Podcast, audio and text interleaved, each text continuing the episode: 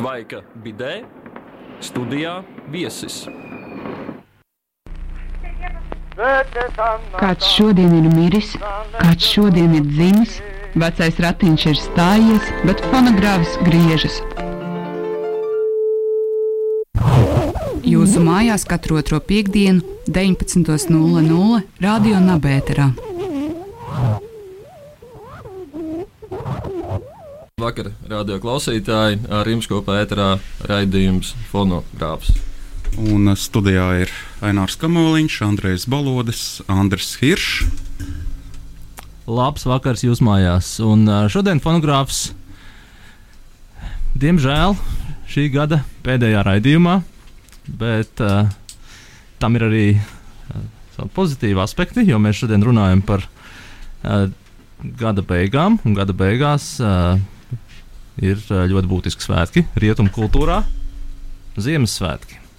Un šodien mūsu raidījums, Ziemassvētku brīnums, ir uh, veltīts jautājumiem arī par kristīgiem Ziemassvētkiem, par ko mēs uh, vairāk parunāsim ar mūsu studijas viesi, uh, mācītāju Daini Pandaru, kurš uh, ikdienā strādā Ogres uh, Baptistu uh, draudzē.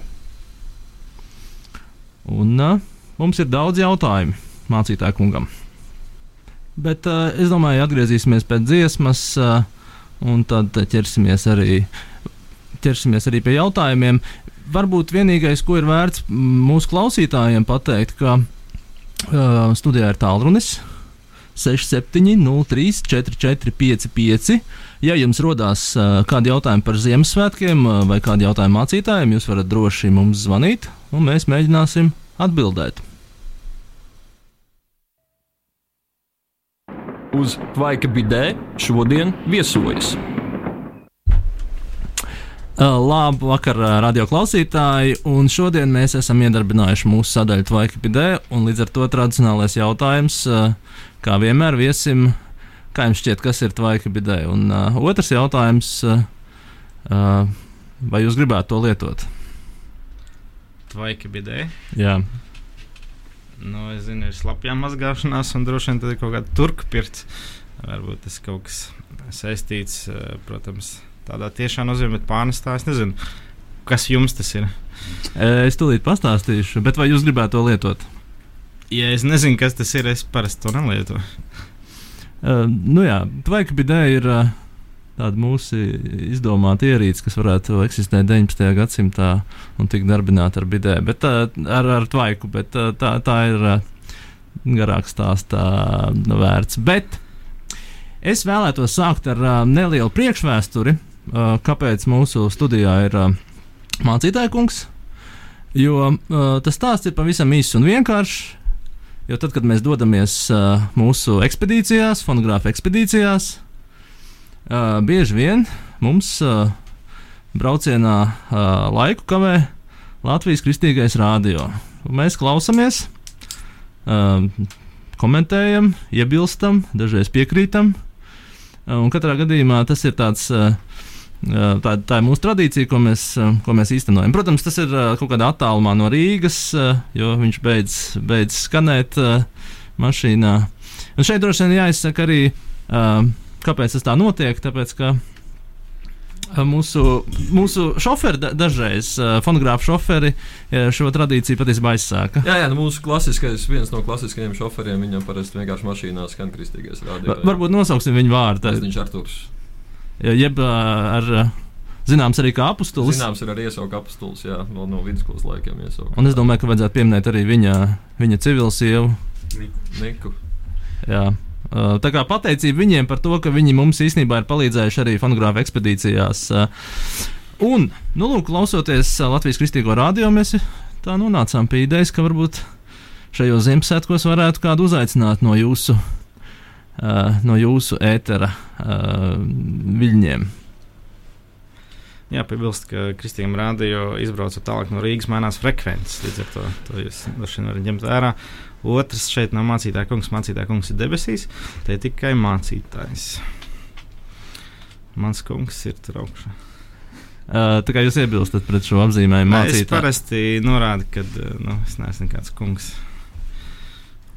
nu, mēs varbūt lietojam tādu 19. Bet- gadsimta. Bet paldies par jā, i- i- izteiksmes formu. Jā, bet katrā gadījumā mans, ā, mans komentārs, nezinu, kā man kolēģi piekritīs vai nē, ka tomēr Latvijas kristīgais radio ir saturiski tāds interesantāks un, ā, un ā, tematiski dažādāks nekā, piemēram, katoļu radio Marija, kuras ir kā katoļu dziedājumi.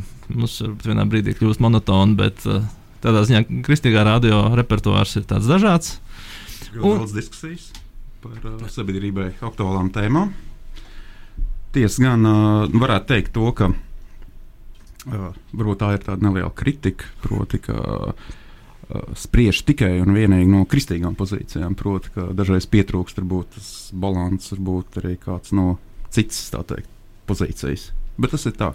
Nu, Jebkurā gadījumā, jebkurā gadījumā man, man ir interesanti vienkārši iepazīties ar noteiktu veidu, uh, teiksim, perspektīvas tā argumentāciju. Tā, tā būtu precīzi. Nu, Droši vien, eh, ja būtu, tas būtu kaut kāds reliģiozais rādio, tad, tad skanētu visi viedokļi, bet šajā gadījumā lietas tiek apskatītas no kristīgā, ko kristīgā viedoklis saka par šo un šo tēmu. Laikam, tāpēc arī biežāk tas ir. Arī, Bet arī varētu teikt, ka nav vienas tādas kristietības, ka ir dažādas atkal pozīcijas. jā, tam es piekrītu. Tur, tur viennozīmīgi tas lokus plašāks varbūt nekā vienmēr izskan.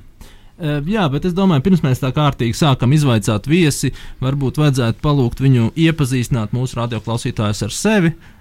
Jūs varētu sniegt tādu nelielu īsu biogrāfiju par to, kā jūs esat nonācis līdz, līdz šim dzīves posmam. Um, Jā, nu, personīgi, kā jau lielākā daļa no mums, es nāku no nu, teiksim, padomju ģimenes, kurā par Dievu neko nerunāju. Līdz ar to arī man ticība Dievam nebija. Bet eh, bija kaut kādi daži momenti dzīvē, kas man eh, nu, varbūt lika uzjautāt, nu, kāpēc es dzīvoju, kāpēc es, eh, kāda ir jēga no šīs dzīves, kas būs pēc nāves. Bet, protams, tā kā nebija nekāda paskaidrojuma, tad pie tās arī paliku. Un, bet 16 gados, kā jauns cilvēks, ieskatījos vienā meitenē, kura bija kristiete. Eh, Tiešām patiesi īsti kristiete, tādas nebija saticis. Un tas, domāju, kā es pagāns viņu varētu, nu, kā saka, izvilkt no tās baznīcas ārā. Jūs identificējaties kā pagāns. Jā, jā. Nu, nu, teiksim, es ticēju augstākam spēkam, ka kaut kas varētu būt, bet tas bija tikai tā te teorētiski. Jo reāli, kad bija problēmas, situ pie koka, lasīju horoskopu un spļāvu pār plecu. Nu, tā bija mana reālā prakse ticības.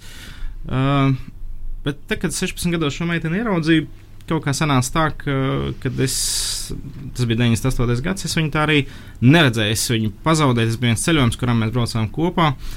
Un tas pieņems pie sevis, priekš sevis lēmumu, esmu kādreiz satikšu, varbūt tā ir tāda zīme, ka tai jābūt manai, varbūt nākamajai sievai. Un pēc četriem gadiem es biju nu, dzīvojis kā nu, normāls students Latvijas universitātē, arī mācījos. Un bija visādas attiecības, kas man aizved līdz tādam nu, tukšumam. Es teicu, nu, ja Dievs tu tur tāds esi, palīdz man to meiteni atrast. Un uh, tāpēc kaut kādu laiku skatījos televizoru pēc tās manas saucamās lūkšanas. Un, um, Un divu stundu laikā, skatoties 60 kanālus, es uzlaidu kanālu, kurā es redzēju viņu sniedzam interviju 15 sekundžu garumā. Viņa vienā Eirovīzijas grupē bija sarakstījusi dziesmu, un tas atrada viņiem caur mājaslapu e-pastu un sarakstījos. Un, nu, viņa bija Ogas Baptistu draudzē, galvenā soliste, un dēļ viņa sāku braukt. Un, uh, un, um, tur mācītājs tajā laikā bija Nacionāla bruņoto spēku virskapelāns Elmārs Pļaviņš, par viņu arī Sandijs Jonovs filmu ir uzņēmis kapelāna dienests. Uh, un, uh, un es biju pārsteigts, ka nu, tāds normāls vīrs, kurš var simtām reižu piepumpēties, kas vienmēr visus karavīrus uz pumpēšanos uzvar, tic Dievam. Un, un tas izmainīja bišķi manu perspektīvu par ticību, un, un caur viņu es atradu ļoti daudz atbildes saviem jautājumiem. Un, un es nekad neesmu gribējis būt kristietis, nekad neesmu gribējis būt mācītājs, bet uh, nu, kad sāc iedziļināties šajās lietās, saprotu, ka tur sava lieta ir. Un, uh, jā, un es piedzīvoju ar to visu mieru, ticību un apprecēju to meiteni. Un pēc kāda laika mans izsalkums bija tik liels saprast šo, šo gan bībeli, gan to vēsti, ka turpinājums bija loģisks, ka vairāk es atklāju, vairāk pārs, pārs, bija pārsteigts, ka es neredzu nekādu neloģiku un neredzu nekādu aklu ticību. Es redzu diezgan pamatotu, vismaz priekš sevis. Un tā nonāca līdz šim. Un saprotu, ka mācītāja uzdevums ir, ir runāt, nu, izskaidrot normālā, saprotamā kultūrai valodā, ko nozīmē attiecības ar Dievu, kāds viņš ir un ko mēs varam darīt lietas labā. Tad jūs vēl joprojām esat precējies ar šo meiteni. Es joprojām esmu precējies, un arī netaisos precēties Otrais. nevienu citu. Nu, ja to pašu otrais, tad. Bet tas, principā, nav vajadzīgs.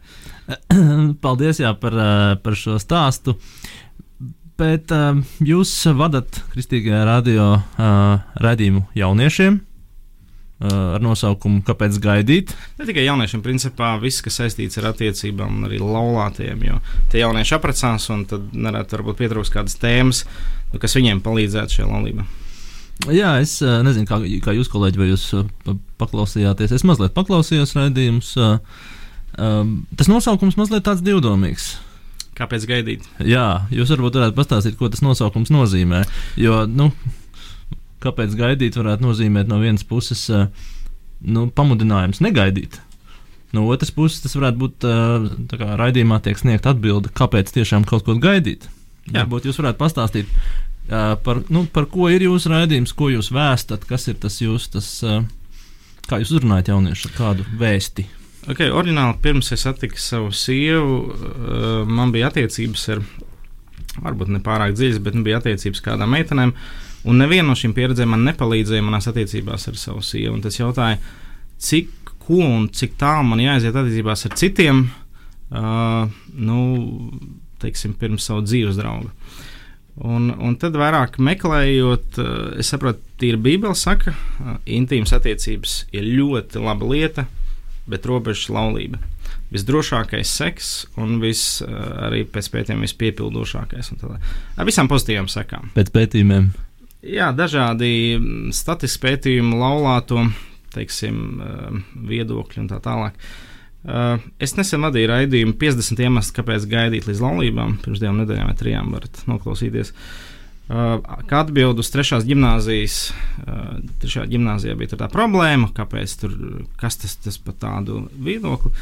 Un es nevienu reliģisku pamatojumu tam nepamatoju starp šiem 50. Un, uh, līdz ar to es redzu, ka tur ir sava loģika. Un es savā laikā, kad es satiku savu sievu, mēs pieņēmām lēmumu, ka mums nebūs intīmas attiecības līdz laulībām. Priekš manis tas bija uh, radikāli, bet es saprotu, ka tas man palīdz viņu iepazīt viņas dvēselē, viņas personībā. Un nav nekā lielāka, ko vīrietis var atteikties sievietes labā no seksa. Iedomājieties, atteikties no seksa. Nu, neko lielāku nevar upurēt. Nu, te mēs sākam jautājumu uzdot, vai ne, vai kas ir īsta mīlestība. Un es sapazinos jauniešiem, kas līdzīgu vēsti izplatīja. Īsta mīlestība gaida biedrība, viņi uzaicināja man par šīm tēmām runāt. Un vairākas runāt tēmas un lekcijas, eh, diezgan brauc ļo- simtām lekcijas un novadījis daudzās skolās, tajā pašā arī trešajā gimnāzijā, starp citu, savā laikā. Un, eh, jā, un radās iespēja raidījumu vadīt tieši par tēmu par attiecībām, skatoties no, nu, teiksim, teiksim, kristietības, gan kristietības, gan arī, nu, protams, es uzskatu tā, ja Dievs to ir radījis, tad to apstiprinās arī zinātnes un uh, likuma pētījumi un tā tālāk. Man ir tāds viens jautājums. Uh, lieliski, ka mēs runājam par to, nu, ka īsta mīlestība. Bet tagad uh, tas ir ļoti vienkāršs uh, jautājums. Sāksim to no nezinu, filozofiskas viedokļa, kaut kas tamlīdzīgs. Kā mēs varam atpazīt, ka tas ir īsts? Tāpēc, ka uh, cilvēkam var būt aizraušanās, kurā mirklī viņam šķiet, lūk, tas ir tas īstais un tā tālāk. Vai ir kaut kāda atbilde? Mm. Kā to pateikt? Tieši kas vispār pēc būtības šis ir? Nē, nē, nē, bet, uh, tas ir īstais cilvēks? Jā, nu kā var to atpazīt? Jo, piemēram, ā, cilvēkam vienā vakarā liekas, tas ir īsts, paiet kāds Mm. laiks, saprot, ka nav īsts, pēc tam atkal cits īsts un tā tālāk. Jā. Un visu laiku varētu teikt, ka, ka katrā no šiem mirkļiem es redzēju, ka katrā mēnesī bija savs īstais arī. Jā, saprotu. Mūsu rietumu kultūras problēma ir tas, ka mēs interpretējam mīlestību caur emocijām, emociju prizmu. Ja man tas rada sajūtas, ja es jūtos labi, tad es mīlu. Protams, tas tā ir ļoti sekla mīlestības izpratne. Tas ir, ko varētu teikt, grieķi apzīmē vārdu. Varbūt eros, varbūt filio. Jā, grieķiem vairāk mīlestības veidu. Mēs runājam par agapas mīlestību. Agapas mīlestība ir upurējošais mīlestības veids ka tu nemīli, uh, ja tu, teiksim, neesi gatavs kaut ko upurēt otra labā. Uh, šajā gadījumā, teiksim, mēs skatāmies austrumu domāšanā, viņiem ir uh, tu par īsto kļūsti nevis tā, ka tu sajūts, bet tā, ka tu izvēlies iet derības attiecībās un, un izvēlies nodot sevi tā cilvēka uh, nu, rokās, un viņš nodod sevi tavās rokās. Restīvi, kad īstenībā mīlestība apstiprina derības attiecības. Restīvi, jo mums ir uh, mīlestība tāda patiesa mūsos rada šo sajūtu. Jo tad, kad cilvēks iemīlēs, viņš uzreiz grib apliecināt, es tevi nekad neatstāšu, nepametīšu. Tad viņā iekšā jau ir vēlme stāties tādās, varētu teikt, ilglaicīgās derības attiecībās. Un tā problēma ir tas, ka mums sajūtas un nespēja nodoties uh, bieži vien uh, nu, aiziet. Uh, nu, izkūpa un sajūtas nosaka. Un, ja es nejūtos labi, kāpēc man jābūt kopā? Tāpēc, ka mēs balstāmies sajūtām nevis uz lēmumu. Un īstenībā saistīta ar lēmumu upurēšanos otra cilvēka labā, neatkarīgi kā tu jūties. Jo, ja cilvēks kļūst invalīds, vai viņam ir dažādas nu, teiksim, situācijas dzīvē, slimības gūta vai kā, tad agapas mīlestība tā, kas iet līdz galam, bet es varētu teikt, bez garīgās spēka es to neredzu, kā to realizēt. Jā, bet šeit bija vairāks jautājums, kā atpazīt. Jo, tāpēc, ka, piemēram, cilvēki var kļūdīties. Tas ir normāli, cilvēki kļūdās. Jā. Un tagad ir, jo principā jau runa par to, ka kāds kaut ko gaida, domā, ka tiešām gaida to vienu vienīgo, vienu īsto vai kaut ko tam līdzīgu. Bet, nu, ja cilvēks kļūdās, tad viņš pēc tam var pateikt, vai tas bija pareizs lēmums vai nebija pareizs. Jo šeit ir tā problēma, tas, ka mēs saprotam, ka tas bija pareizs lēmums pēc tam, mm. nevis tajā mirklī. Jā. Jo, jo varbūt tas mirklis, jā, es upurēju. Un... Še, jā, nu, teiksim, ir uh, vairākas uh, lietas, bet, uh, ko var mēģināt uzdot jautājumu. Es esmu gatavs redzēt šo cilvēku vecumā. Es ieraugu viņu tā perspektīvu, vai es būtu gatavs viņu novacot, vai es būtu gatavs no viņa bērnus, vai es esmu gatavs par viņu uzticēt savus bērnus. Jautājumi, kas liek domāt ilgtermiņā, tas ir viens no otrs arī tas, ko mēs kā kristieši, mums, mēs ne tikai ticam, ka ir tās pārdabas sfēras, mēs viņu arī piedzīvojam, pielietojam. Un ir tāda lieta kā apstiprināta atbilde lūkšanā, apstiprinājumi manam lēmumam no augšas. Teiksim, ir, zinu, nu, jūs varat paklausīties, mūsu raidījumos ir cilvēki, kas stāsta, viņam prasa, nu, kā tu zināji, ka tā ir tava īstā.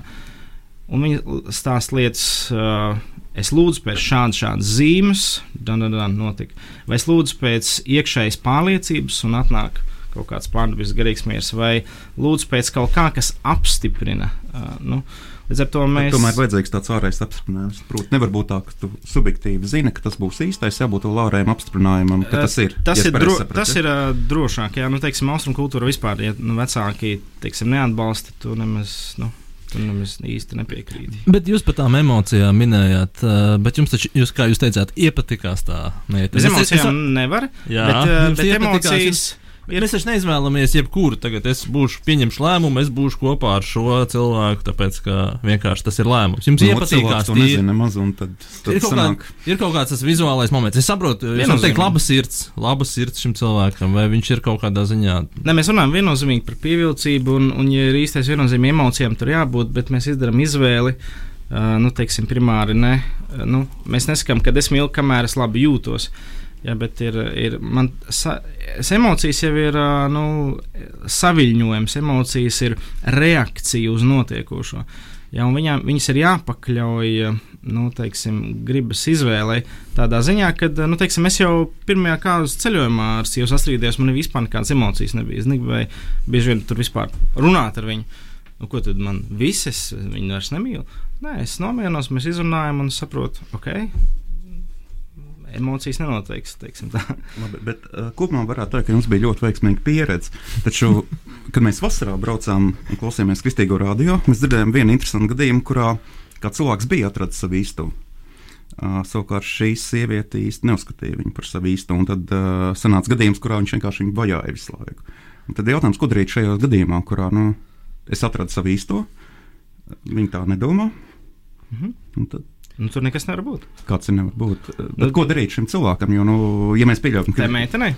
Uh, es domāju, vīrietim. Puisim, jā, drīzāk. Tam puisim ir jāsaprot, ka uh, mīlestība vienmēr ir brīvprātīga piekrišana, apusē brīvprātīga piekrišana attiecībām. Un, un ja otrs cilvēks nav gatavs dot tu neko, nu, tu nevari viņu piespiest. Jo ir tādi cilvēki, kas dzird varbūt nevis dievu, bet nu, dzird vairāk savas domas vai kaut kādas putnas galvā. Ja?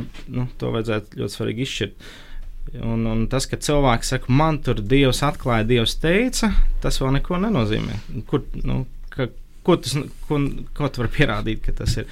Un tad, tad tagad tam cilvēkam, ne, ja viņš nepiekritīs, tad viņš nepaklaus Dievam. Ja? Nu, tā ir tāda manipulācija, ko ļoti svarīgi ir izskaust pašā saknē. Bet uh, nelaimīga mīlestība, mēs taču varam iedomāties, ka šis cilvēks nav, protams, nu, kaut kāds vajātājs, vai vienkārši viņš ir iemīlējies šajā otrā mm. cilvēkā, uz kuru nav atbildes uz šīm jūtām. Jā uh, nelaimīga mīlestība taču arī var būt uh, kaut kādā ziņā cēla. Protams, viennozīmīgi. Rakstīt dzēju un uh, var pievērsties varbūt arī ticībai dēļ, dēļ, dēļ tā, ka tu esi ne, nelaimīgi iemīlējies. Jā, viennozīmīgi. Es jau, principā, tāpēc, ka es biju nelaimīgi, varētu teikt, iemīlējies, es saucu Dievs, ja tu esi palīdz man atrast to meiteni. Jā, nu, no vienas puses tas, tas jau aizved līdz tam, un mīlestība, principā, vienmēr ir risks būt ievainot, un pat arī ar to īsto. Jo neviens nav perfekts, neviens nav ideāls. Ir runa par to, ka mans par īsto kļūst tas cilvēks, kuru es sapratu, dēļ kuras gatavs nodoties, un otrs. Arī tā nav garantija, ka viss būs ideāli. Ir svarīgi īstie principi, nu, kas ir jāuztur attiecībās, lai šīs attiecības būtu arī laimīgas. Jā, es domāju, šī sadaļa bija visnotaļ interesanta. Runājot par mīlestību, diezgan negaidīti m, daudz laika mēs tam veltījām, bet galu galā Ziemassvētki ir arī mīlestības svētki. Un, uh, tagad nedaudz atslodzē muzika, un pēc tam atgriežamies studijā. Um, Labvakar, radio klausītāji. Jums atpakaļ ēterā raidījums fonogrāfs. Varbūt pēreiz arī atgādināšu telefonu numuru studijā. Droši var zvanīt, uzdot jautājumus arī e, mācītājiem. Tātad telefona numurs 67, 0, 3, 4, 4, 5, 5. Jā, pārsteidzoši, ka mums uh, nav pagaidām zvans studijā, jo vai tiešām radio nabas klausītāji nevēlas atrast īstu mīlestību. Nu, vai kaut ko noskaidrot par to? Man šķiet, ka to visi vēlas. Padomus mīlestības meklējumos. Jā, uh, jā bet uh, gribētu tomēr mūsu viesim arī paja pajautāt. Uh, par to konfesiju, ko viņš pārstāv. Jo nevienmēr cilvēkiem ir skaidrs, un godīgi atzīšos, arī man ir skaidrs, ar ko tieši baptisti atšķirās no citiem protestantiem, un uh, kas ir tā īpašā uh, īpašā iezīme tieši Baptistu draugai. Jā, nu, vēsturiski principā Latvijā Baptistu kustība ir tautas kustība. Tas nav nekāds ārzemnieku ievests nezinu, misionāris, da, misionā, misionas darbs. Tad savā laikā, kad bija veidojies brāļu draugs, par tām jūs varbūt zinat, Ja, un, un, un tad, tad tajos 19. gadsimta vidū nu, tas sāka viss apsīkt, un, un tur principā, viņas piespieda konvertēties teiksim, tā, citā komisijā. Uh, Bet paralēli tajā laikā, 50. gados, parādījās cilvēki, kas vienkārši gribēja lasīt Bībeli un, un dzīvot svētu, teiksim, likumīgu dzīvi. Viņi gāja pie tā laika baznīcas cilvēkiem, mācītājiem, bet viņi, nu, viņi teica, nu, viņiem nav intereses nekādas. Viņiem palīdzēt dzīvot vēl dievam tīkamāku dzīvi, un, un radās cilvēks vienkārši sāka nu, tā paši studēt Bībeli un meklēt, uh, kur ir kādi, kas, nu, teiksim tā, uh, atšķirīgi no tās tā laika baznīcas, kur tiešām skaidro Bībeli, nu tā kā Bībele to rāda. Un, un tad tikai tuvākā, kas, kas bija tāda, bija Klaipēdā baznīca, ja, kas te, tajā laikā viņa uh, sauc par uh, mēmēles uh, baznīcu, un tie bija baptisti. Un šie cilvēki tika kristīti ar pagremdi. Tātad viena no šī domā, ka kristība jābūt pagremdētam. Tas tas vārds baptizo nozīmē grieķu valodā. Baptizo nozīmē procesu, kurā es teiksim, iegremdēju teiksim, drānas gabaliņu krāsā un izņem ārā šī pagremde. Šis vārds nozīmē, principā nozīmē kristība. Mēs lietojam vārdu kristība, bet tā ir pagremde. Jā, tad tā doma, ka cilvēks grib no, nožēlot savus grēkus, viņš tiek pagremdēts šis vecais grēcinieks, jau no augšām celts svētais. Jo Jēzus Kristus nomira par grēkiem un augšām cēlās par grēkiem. Līdz ar to identificējoties ar Jēzu Kristu, notiek šis process.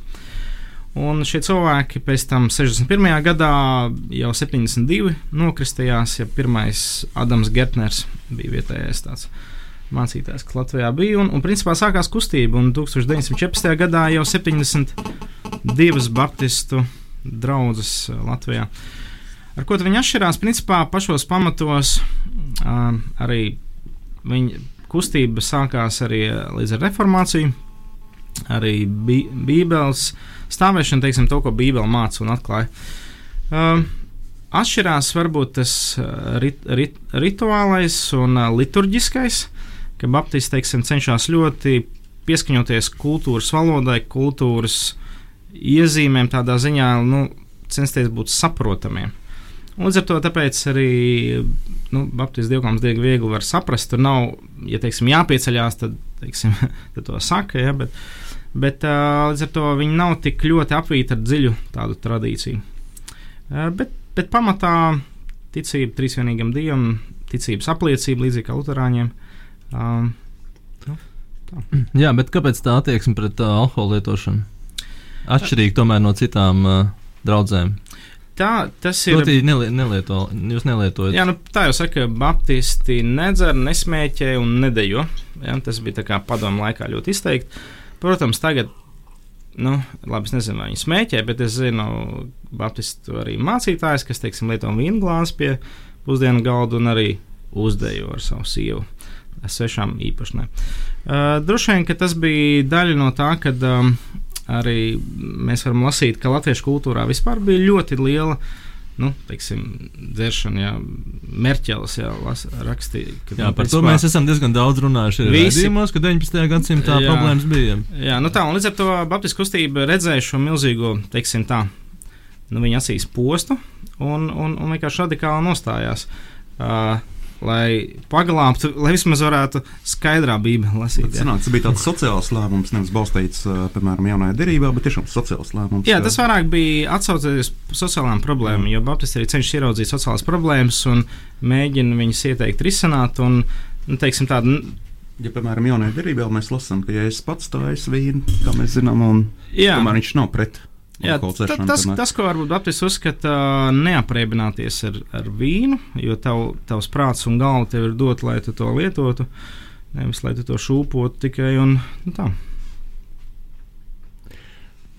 Raidījums ir pusē, un mums beidzot ir jāķerās pie Ziemassvētku brīnuma un Ziemassvētku stāsta izpratnes. Uh, Ainār, es jūtu, ka Jā, tev, ir, ir, tev ir šis, šis stāsts ir kaut kādā ziņā uzrunājis vai izaicinājis tavu mēģinājumu. Nē, es neteiktu izaicinājis. Nē, nu man principā jaunā derība ir izaicinājusi jau kopš īstenībā pusauģu gadiem. Man tāpēc, arī dzen, man arī dzen. Tāpēc, es ka es viņu esmu lasījis, kaut kas man ir paticis un kaut kur es esmu redzējis zinām veidu problēmas.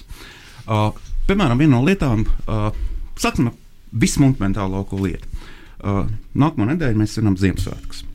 Tā tad uh, trīs dienas ja nemaldos, 25. decembrī ir Kristus dzimšanas diena. Ja? Nu, to tā atzīmē reāli. Jā, neviens ir, nezina to datumu. Jā, tā ir tā problēma, kas arī man radās, ka nekur jaunajā darbā nekur nav uzrakstīts, kurā datumā viņš ir dzimis. Un tad ir jautājums, kāpēc mēs to darām tieši 25. un nevis kādā citā datumā. Jā, ja, sa... piemēram, par uh, krustā sišanu tur ir plus mīnus divu dienu robežās, mēs varam pateikt. Jā, jā savā, savā laikā bija uh, Romātās teologs Hi Hipolīts, kurš 3. gadsimtā nu, izvirzīja to versiju, ka nu, tā ieskris ieņemšana varēja būt ap to laiku. Jā, un izrēķinot. Balstoties uz ko tieši? Nu, bal balstoties uh, nu, precīzi, tur laikam saistībā ar to. Uh, Gabriela Enģeļa parādīšanos un izreikinot tos festivālus, tos svētkus, kas jūdiem bija tajā laikā, nu, viņš pieņēma tādu, bet uh, lielākā daļa uh, teologi arī uzskata, ka tas varbūt neprecīzi. Līdz ar to šajā gadījumā. Šī ir vienkārši ļoti vēsturiska fantāzija, ka mēs varētu svinēt 25. bet principā varētu svinēt arī kādā citā datumā. Ja? Pieņēmums, jā, jā, to var svinēt arī citā datumā, bet, nu, es nezinu, nevienu dzimšanas dienu, kas tā pasaulē tiek svinēta kā Kristus dzimšanas diena. Mm -hmm. Uh, labi, tad uh, pirms nākamais jautājums. Uh, ir tā, ka piemēram, cilvēki, kas mūsdienās saskarās ar dažādu veidu kārtiņām vai dodas uz lielāko, viņi redz šīs kristus dzimšanas, šīs ainiņas. Un tad parasti ir, uh, kā mēs zinām, tad ir uh, divos evaņģēlijos uzrakstīts par šo kristus dzimšanu, Lūks un Mateja. Uh, un parasti šajos lielveikalos ir uh, ainiņi sekojoši. Tātad uh, Kristus ir uh, silītē, uh, tātad kūtī ir gani, attiecīgi, kā, un viņa vecāki. Un, uh, kur rod šī viena no tādiem jautājumiem, kas parādās, ir tas, ka jā, bet vienā evanģēlijā viņš ir šajā kūtī, bet otrajā ļoti skaidri uzrakstīts, ka viņš ir namā. Tad kā īsti jūsuprāt, kur viņš īsti ir? Uh.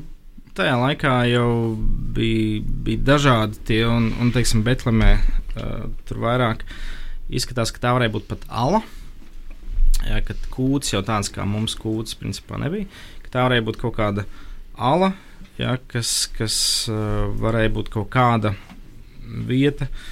Un, uh, teiksim, tad jā, jāpapēc sīkāk, varbūt šie oriģināli vārdi, bet mans uzskats ir, ka tā ir kaut kāda vieta, kur ne. Jo, Jo tajā laikā diezgan daudz brauca, teiksim, pierakstīties, ja saskaitīties, un nebija vienkārši vietas. Mateja evaņģēlē ir roja, kas prot māju. Jā, jā. Tad, uh, Ma oikus ir mājasēmniecība. Tad, jā. nu, oikus ir uh, tā kā. Tā ziņā nekūts. Nē, tā nav. Oikus ir vispār tāda vieta, un tajā var būt kūts sastāvdaļas. Tas apmēram tā kā ir sēta, žoks, un pa vidu ir, teiksim, dzīvo tur, nezinu, vecāki, dzīvo tur, nezinu, bērni, tad tur ir kūts un vēl kaut kas. Nu, ka teorētiski tā varēja būt daļa no šīs saimniecības vietas. Nu. Nu jā, bet ja nemaldos, tad uh, tomēr vis, visur viņi tulko kā nāmu, arī, man liekas, latīniskas. Nē, no oikus nav tīrs, tikai nams tā ir kopējā nu, mājasēmniecība. Tā ir saimniecība. Jā, jā. Aristoteles arī par to raksta. Tā kā, jā. Oikonomiku. Jā, jā, jā. Bet, Bet Ainār, man interesē, kāpēc tas tik ļoti ir svarīgi? Kurā tieši vietā viņš nē, ir? Kāpēc? Tāpēc, ka es, uh, kad es lasīju jauno darību, tad uh, vienkārši man pareizāk sakot, šos simatiskos, piemēram, uh, evanģēlijas, tad vienkārši dažas lietas kā, nu, ir nedaudz pretrunīgas, nevar saprast īsti, kas notiek. Tad, tāpat tās, kā piemēram arī par šiem gudriem, kas ierodas. Pareizāk sakot, kas man vairāk interesē, ir šis attēlojums par to, kas ir rakstīts. Ja, piemēram, arī, kad raksta, ka uh, tātad parādās trīs gudrie.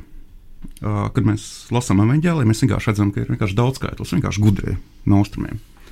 Uh, ir vēl cits problemātisks vietas, kas man arī man liekas, piemēram, tas, ka šie austrumu gudrie nav zināms, cik, cik daudz, varbūt 10, varbūt 20, varbūt 2. Uh, viņi ierauga austrumu zvaigzni. Brīnišķīgi. Principā šī zvaigzne viņiem ir tā tāds viņa GPS aizved uz Jeruzalemi. Tur viņi satiek uh, Herodu. Jautā, nu, kur tad īsti, nu, vienkārši tas GPS nav tik precīzs, mums vajag zināt, kur tā īsti tas jēzus piedzimis. Uh, Nu, tad viņš saka, īsti nezinu, tu paaicini tos savus, uh, savus gudros. Viņi izrēķina, ka viņš varētu būt arī Bēltlemē. Un tad pieprasa atkal tas GPS ieslēdz un aizved viņus tieši uz šo namu. Un tad ir tas jautājums, kad, vai tiešām nu, kā īstā zvaigzne viņiem tur strādāja. Nu, tiešām viņi bija tik neprecīzi, precīzi un tā tālāk.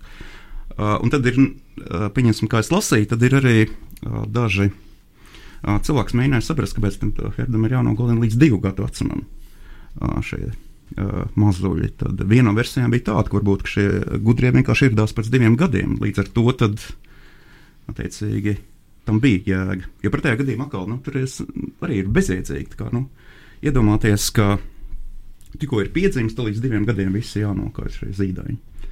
Uh, un tad atkal sanāk, kad, uh, kad Ciro pieņemsim šos attēlus, piemēram, arī mēs šodien vienkārši, man liekas, Instagramā ielikām attēlu, kurā ir gan šī silīte, gan arī šie gudrie vienkārši parādījušies vienlaicīgi. Piemēram, un tad neiet tas viss kopā. Vai nu ir māja, vai silīte, vai šie divi gadi, vai nav divi gadi, un tā tālāk. Un kā šīs zvaigznīs strādā, vienkārši viņi precīzi, neprecīzi. Un tā. Jā, protams, tas, kas uh, ir viens, ir tā rietumu kultūra, kas pasniedz šo Ziemassvētku, un loģiski Nu, mums jau liekas, nu, ko tad Ādams un Ieva ēda ēdienas dārzā. Nu, mēs, sakām, ābolu, bet nekāds ābols tur nebija. Jā, arī nav teikts, ka bija trīs austrumu gudrie, un nav teikts, ka viņi bija pie silītes piedzimšanas laikā. Cerot, tās ir tādas radītas uh, kliš, klišejas kaut kādā ziņā, jo cilvēki lēkšana nel, nelas Bībeli. Kā tu, piemēram. Jā, kāds, bet, kāds jums būtu atbildes šiem kā, nu, Jo, jo Tieši. šis stāsts eh, par dzimšanu tiešām ļoti fragmentārs, un tāpēc arī mm. daļa ir jāizpilda ar fantāziju. Tad ir jautājums, kā jūs viņu kā uztaisīt par. Kāds ir jūsu tēls par šo dzimšanu? Uh, vien, viens, no, viens no tādiem, protams, skatījumiem, tie austrumu gudrie varēja būt no um, zoroastriešu novirziena, jo savā laikā, kad bija uh, Izraela tauta trimdā, un tur bija arī ķēniņš Kīrs, kas kas nu, teiksim, atļāva Izraēla tautai atgriezties savā apsolītajā zemē, uh, tad, tad, tad tur teiksim, tas Daniela laiks un, un, un viss tas varēja atstāt ietekmi. Līdz ar to viņi, viņiem bija šī uzskats, ka nāks kaut kāds glābējs. Līdz ar to iespējams, ka tas varēja nākt no tās puses. Um, grūti pateikt, teiksim, šo zvaigznes kaut kādu ietekmi. Cits saka, ka tur varēja sēdēt kaut kādas divas planētas vai zvaigznes kopā, kas radīja nu, tādu unikālu, teiksim, kaut kādu norādi. Uh, bet tas, ka um, nu, teiksim, tāda Betlēma, tas, ka, tas, ka ir tāds notikums eh, ir un, un par to runā visā pasaulē. Un, uh, Jā, bet uh, atkal mēs bet varētu tieši teikt, ka precīzi varbūt jautājums, tad bija tāds, kā tā zvaigznes strādā. Jā, pieņemsim, kā tās, kāpēc viņi pieprasa neprecīzi, tad viņi ir precīzi. Piemēram, ja mēs mēģinām orientēties pēc zvaigznēm, tad mēs redzam, jā, nu, aptuveni to virzienu var redzēt. Bet uh, tā, ka novada precīzi līdz mājai, tad ir diezgan sarežģīti. Turklāt, uh, ganiem bija precīzāka komunikācijas sistēma. Viņam uzreiz pateica, ejiet uz turieni.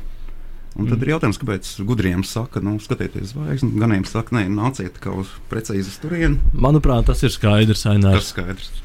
Tāpēc, ka Kristus jau aicina vienkāršos cilvēkus, nevis gudros. Gudrie gudriem šaubās, domā, uh, vai Viņiem tas ir īstā zvaigzne vai nē. Jā, man liekas, ka tur tas uh, varbūt tā var nolasīt. Nu, jā, tā kā reizē, nu, šie gudrie, neprecīzi orientējoties, viņi nonāk pie Heroda un faktiski rada tādu kārtīgu infekciju, nu, kad šie zīdaiņi tiek nogalināti un tā tālāk. Ja viņi būtu precīzi atraduši vietu, tad šie zīdaiņi dzīvotu. Nu.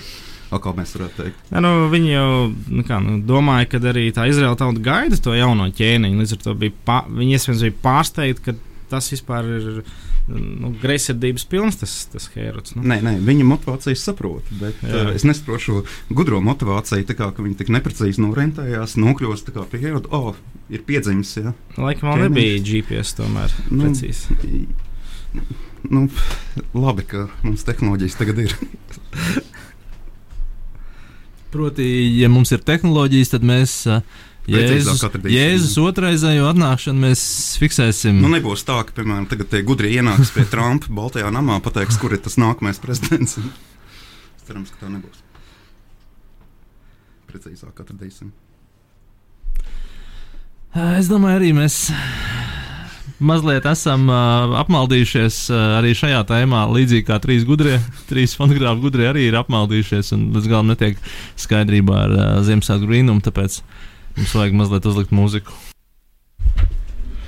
Labvakar, radio klausītāji. Jums atpakaļ ēterā raidījums Fonu Grāfs. Joprojām var paspēt, droši vien mēģināt piezvanīt studiju. Skatu pagājušo zvanu kaut kas līdz galam nesanāca. Nu, mēs atvainojamies par tehnisko izsēkli. Jā, ja, ja jums ir vēlme piezvanīt vēlreiz, mēs mēģināsim šoreiz jūs savienot kārtīgi. Jā, un tad pie reizes jāatgādina, varbūt telefona numurs studijās 670 344 55. Un uh, tagad es domāju, pievērsīsimies uh, Ziemassvētkiem mūsdienu pasaulē. Jo galu galā šie svētki tomēr ir uh, iezīmē gan gada beigas, kad cilvēki iztērē visus savus, uh, savus algas, uh, pērk dāvanas. Un uh, Ziemassvētku brīnums bieži vien tiek asociēts ar to, ka uh, nu, kāds saņem kādas dāvanas vai kāds negaidīts pārsteigums. Tieši īstajā brīdī ir zvans studijā. Uh, labvakar! Labvakar. Man bija komentārs Uh, austrumu gudriem. uh, labi, jā, mums ir komentārs par austrumu gudriem. Jā. Kā jūs lūdzu saukt? Jā, Aija. Aija, labi. Um, Mēs klausāmies. manas domas ir tādas, ka tie austrumu gudrie, kamēr viņi atnāca, pagāja kāds laiks. Un tāpēc, kad tā tautas skaitīšana bija beigusies, um, bērns pārvācās uz, uz kādu namu, uz to oikosu. Un, kamēr un tie austrumu gudrie, kad atnāca, nebija nepareizs GPS, bet bija nepareiza viņu vēlme, viņa doma. Viņi nepielaida domu, ka ķēniņš varētu piedzimt kaut kur citur. Protams, ka ķēniņš jāmeklē ķēniņa pilī. Un tāpēc viņa aizgāja uz Jeruzalemi. Bet nu, citādi es nezinu, kā tā zvaigzne vadīja.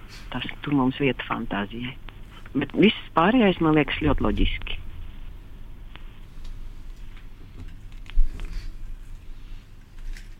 Jā. Kāds jums būtu komentārs par šo komentāru? Es varētu piekrist. Jā. Paldies! Tātad galvenais bija tas, ka tā tiešām viņam bija tā nepareizs intents. Jā, jā visdrīzāk. Jā. Mm. Uh, paldies, radio klausītāji. Es domāju, ka tas arī vērtīgi piebilda. Bet atgriežamies pie mūsdienu tiem Ziemassvētkiem. Kāda ir uh, baznīcas attieksme? Jo mēs, uh, gatavojoties šim raidījumam, mēs visiem mūsu daudziem kolēģiem aicinājām sagatavot dažādus jautājumus uh, jums, mācītājiem. Un viens no jautājumiem, kas parādījās vairāk kārt, bija, nu, kā, kā tad kristīgā baznīca un mācītājs skatās uz to, ka tieši Ziemassvētkos tiek šturmētas dievnami. Nē, nu, katram cilvēkam, es uzskatu, ka Dievs ir radījis viņu ar šo garīgo vilkli. Un visās nu, tautās ir nu, šīs, šīs vismaz kultūrās spēja, vēlme ticēt, ticēt kaut kam augstākam. Un patiesībā pat arī ateists tic, ja, tikai viņš divu vietā ieliek zināšanas. Jā, cits ieliek kaut ko citu. Un patiesībā mēs visi, ja mēs zinām antropoloģisko kultūru, jeb kultūras antropoloģiju, tur ir tā, ka uh, ir četri tie kultūras slāņi, un dziļākais ir mūsu reliģiskā kultūra. Tas, kam mēs ticam, parādās tas, ko mēs domājam, tas parādās tajā, kā mēs uzvedamies, un tas parādās tajā, tas, kas mums pieder. Un, un tāpēc, ka šīs slāpes, ja tu 11 mēnešus strādājies priekš materiālismu, tad vienā brīdī nu, cilvēks grib kaut ko arī garīgu, un tas Ziemassvētku ir tas laiks, kurā sāks, nu, nu, kaut ko garīgi arī gribās. Un tad vismaz aiziet vienreiz uh, gadā, un, un man liekas, tas ir tīri loģiski, jo kamēr šī garīgā vilkme ir, un viņa būs, kamēr cilvēks pastāvēs, uh, ja psiholoģija varbūt neizšķir garu, tad, tad jaunā arī runā, ka mums ir gars dvēselmies, un gars ir tas, kas meklē garīgās lietas. Bet, bet tas nozīmē, ka nosūdoši jūs uz to neskatieties. Nu, tieši Ziemassvētkos pēkšņi tās baznīcas ir diezgan piebāztas, bet tādā parastā Kāpēc tas būtu slikti, ja cilvēki grib nākt uz Kristus dzimšanas? Es pieļauju, ka tas uh, virsjautājums varētu būt tāds, ka uh, varētu domāt, ka jūs vienkārši esat kā apkalpojošā sfēra, nu, tādā kapitālistu sabiedrībā. Tad cilvēki pastrādā, Tad viņi noguruši, viņiem vajag kaut ko garīgu, viņi vai tie ir filmām, vai viņi aiziet Ziemassvētkos uz baznīcu. Principā jūs vienkārši apkalpošā sfēru, nevis kā noteikti veida vēstījumu sniedzēju vai kaut kas tamlīdzīgs. Un tāpēc arī, piemēram, baznīcas izrotā sevi ir noteikti veida estētika. Viņi jūtas labi, gluži, nu, viņi jūtas labi lielveikalā, viņi jūtas labi baznīcā un tā tālāk. Es pieļauju vienkārši šajā kultūras ietvarā, kā jūs jūtaties. Ne, nu, tas, tas, ka cilvēks ir atnācis, viņš ir atnācis lai dzirdētu to vēstu, un tā vēsti ir jā, jā, jāizskan. Ja, teiksim, baznīca pati sāk no jau izklaidēt vairāk nekā dot šo vēstu, tad viņi principā nepilda uzdevumu.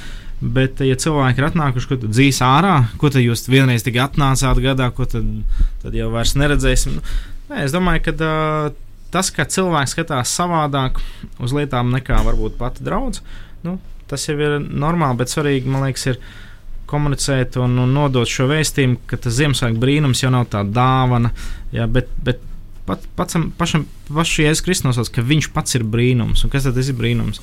Nu, viņiem ir ļoti daudz lietas, kas uh, brīnums, kas ir, tas ir ārpus mūsu loģikas un fiziskiem, fizikas likumiem, kāds notikums, ko nevar izskaidrot, nekādīgi pamatot. Nu, piedzimšana jaunavai, jā, mirušu augšām celšanās, dziedināšana, 300 piepildīta pareģojumu par Jēzu viņš savas dzīves laikā piepilda. Uh, izmainīt rietumu kultūru, principā jurisprudence, izglītība, pētījumi ir daudz kur balstīti tieši Kristus mācībā, kas saistās ar pazemību. Jo, jo tajā laikā lepnība bija svarīga, un mēs jau tur ne, nu, neesam atzīti, ka mēs neko nezinām. Zinātnē tieši saknē mēs nezinām, tāpēc mēs pētīsim. Un, tad šī pazemības, varētu teikt, mācība ir ļoti, ļoti palīdzējusi strauji nu, teiksim, augt. Uh, Uh, nu, daudzām sfērām, un, un no vienas puses apgaismības laikmets patiesībā ir tas, ko, kas sākās tad, kad Bībele sāka būt pieejama cilvēkiem. Ja, un, un, un tas tumšais laikmets, ka Bībele bija tikai konkrēts kaut kādas baznīcas rokās un nebija no, tautai pieejama, tas man liekas ir nu, vislielākais trakums. Un, ar to man liekas, reformācija ir ļoti, ļoti svarīga. Uh, bijusi, un tā sākās ar, arī ar Kristu. Nu, ja mums nav katoļu studijā, bet. Uh... Apgaismīgi arī saistās ar, nu, tur, nezinu, Voltēru un domātājiem, kas tā kā vērsās, jā, tāds, tāds arī attīsma kaut kādā ziņā izsākums. Protams, viennozīmīgi tur, kur. Tur, kur ir gaisma, tur jau ir arī. Attieksmes nevienmēr ir tums. Tā, nu, tā, tas var būt arī noteikti veida argumentācijas piedāvāšana. Jā, nu, viennozīmīgi. Šaubas jau un, un šaubīšanās ir tikai iespēja pārbaudīt, kas ir patiesa un kas ne. Un, kā jūs attiecaties pret uh, Ziemassvētku eglīti, kas galu galā ir protestantu, tomēr ieviesams, ja nemaldos? Ja? Nu, eglīte ir dieva radīts koks, ko mēs. Nu, teiksim, es domāju, tieši šī tradīcija Ziemassvētkos eglīti izrotā un tā tālāk. Mēs mājām no meža uz vai ne koku. Un, jā, jā, jā, tieši tavs mājas. Jā. Nē, nu, ja es nemetu uz ceļiem tā koka priekšā un, un sadedzinot, neuzskatu, ka man tā ir lāstiks noņemt, tad viss kārtībā. Jā, es viņu tur nevalkāju apkārt, tā, bet, bet ja es viņu izrotāju un pateicos Dievam par brīnišķīgo kociņu, un es apzinos, ka nevis kociņš ir Ziemassvētku centrā, bet Dieva dēls, kas ir nācis dēļ manis un mums grēciniekiem. Tad tas viss kārtībā. Galvenais ir pareizie fokus man, manā skatījumā. E, bet es sapratu no tā jūsu, jūsu atbildes, ka jums nepatīk tā pagāniskā tradīcija ar baļķa vilkšanu. Nevis man nepatīk, ne. es viņu vienkārši ne, nesaprotu. Jo, teiksim, nu, kā koks var paņemt projām manus, nu, teiksim, nu, nezinu, nesvētības sliktums, kā, kā uguns, kas, kurā tiek sadedzināta, kā viņš ar savām garīgās problēmas. Bet tā kā, atbild, bet tā kā kāds varētu atbildēt, to pašu arī varētu nesprast par ļoti daudziem kristiešu rituāliem. Arī. Es arī ļoti daudziem kristiešu rituāliem vispār nepiekrītu. Tāpēc, ka viņi nav Bībelē. Un, līdz ar to man, es ļoti cienu katru cilvēku, jo es pats ticēju viskam, kam es ticēju, ka tri, piesiešana pie koka trīs reizes palīdz man nokārtot eksāmenus. Nu, re, līdz ar to jautājums ir. Jūs eksāmenus nokārtojat? Uh, nu, bija kāds kurs. ir dzīves eksāmeni, kas ir jānokārto. Jā. Man, man teiksim, nav nekas pret kādu citu cilvēku ticību, bet, bet es, tas, ko es izaicinu, pārbaudīt, vai tiešām tā nav mana aklā ticība un tikai attaisnojums. Jo reāli, nu, teiksim, kad es necēju dievam, nu, es arī biju kā vairāk kā uz dievu pusi, pus, bet es nekad nevienā tādā grīzes situācijā neizvēlējos piesaukt šīs lietas, kurām it kā ticēju, saprotu, ka tas nespēja atrisināt. Līdz ar to, kad iedziļinās, kam es līdz īstenībā ticu, tur ir daudz aklās zonas, nu, kuras es neredzēju, ka man palīdz. Man palīdzēja tikai tad, kad es piesaucu Dievu caur Jēzu Kristu. Viņš reāli daudz reizes ir atbildējis, bet tā sišanas pie koks, pļaušanas pār plecu un līdzīgas lietas, es vienkārši neredzu, ka praksē tas strādā. Ok, to cilvēki dara, bet vai tiešām tas strādā? Nu, es to neesmu atklājis. Līdz ar man ļoti daudz jautājumu būtu par šo, jo, jo tā jau ir tradīcija, kas ir veidojusies no konkrētas reliģiskiem uzskatiem. Teiksim, nu, bluķu vilkšana vai zīlēšana, un, un, un zīlēt tas nozīmē, es gribu kontrolēt savu nākotni, un tāpēc to uzzināšu. Man vienalga, Dievs to atļauj vai nē, bet es gribu zināt. Un tā ir cenšanās ieņemt Dievu vietu. Un līdz ar to katrs šis rituāls patiesībā parāda, Man Dievu nevajag, es Dievu negribu. Es gribu būt Dievietā. Tas tāpat kā, nu, teikt savam tēvam, tēvs, tu man neesi vajadzīgs, nu, es gribu tevi nogalināt. Un tas, kas cilvēks lielais grēks ir, mēs esam Dievu, principā, piestuši krustā, mēs viņu negribam. Mēs gribam savu dzīvi, un tad jau jebkura cita reliģija uh, ir tikai aizsaks manam egoismam. Bet kristietība saka, tu patiesībā esi tik liels grēcinieks, ka tu bez dievas pazudis. Bet Dievs ir tik labs un tevi mīl, ka viņš ir gatavs upurēt savu dēlu, lai tevi izglābtu. Nu, tā ir tā Ziemassvētku vēsts. Es domāju, ar šo Ziemassvētku vēstu mēs arī gandrīz varētu noslēgt. Un atgriežoties vēl pie tiem jauniešiem. Man ir tomēr zināms skepsis par to, ka viņi ir gatavi gaidīt. Un arī tas, eh, es pieļauju, ka ir tā, tā, tā doma, ka diez vai jaunieši ir tā autori, kas eh, pievēršās reliģijai un, un, un, un, un ticībai tik daudz. Protams, pievēršās, bet vai neiet mazumā? Nu, tāds ļoti īsts kāds tas uh, jūsu vērtējums par to ir, vai, vai jaunieši? Jā, ja, jaunieši grib kaut ko dzīvu, reālu un autentisku.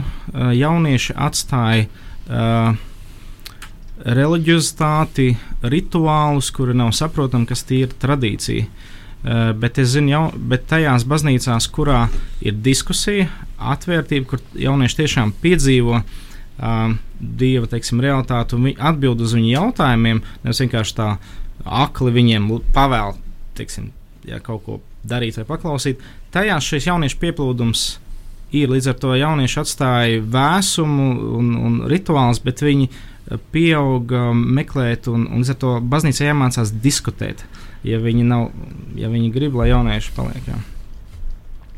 Paldies! Jā, Radījuma fonogrāfa studijā bija mācītājs Dainis Panders, un mēs atvadāmies no jums, klausītāji. Es ceru, ka jūs arī padomāsiet par Ziemassvētkiem, Ziemassvētku brīnumu, un ceru, ka jūs galdā celsiet arī uh, dažādas, dažādas uh, ēdienas un dzērienus, tā skaitā zaļos dzērienus un ēdienus.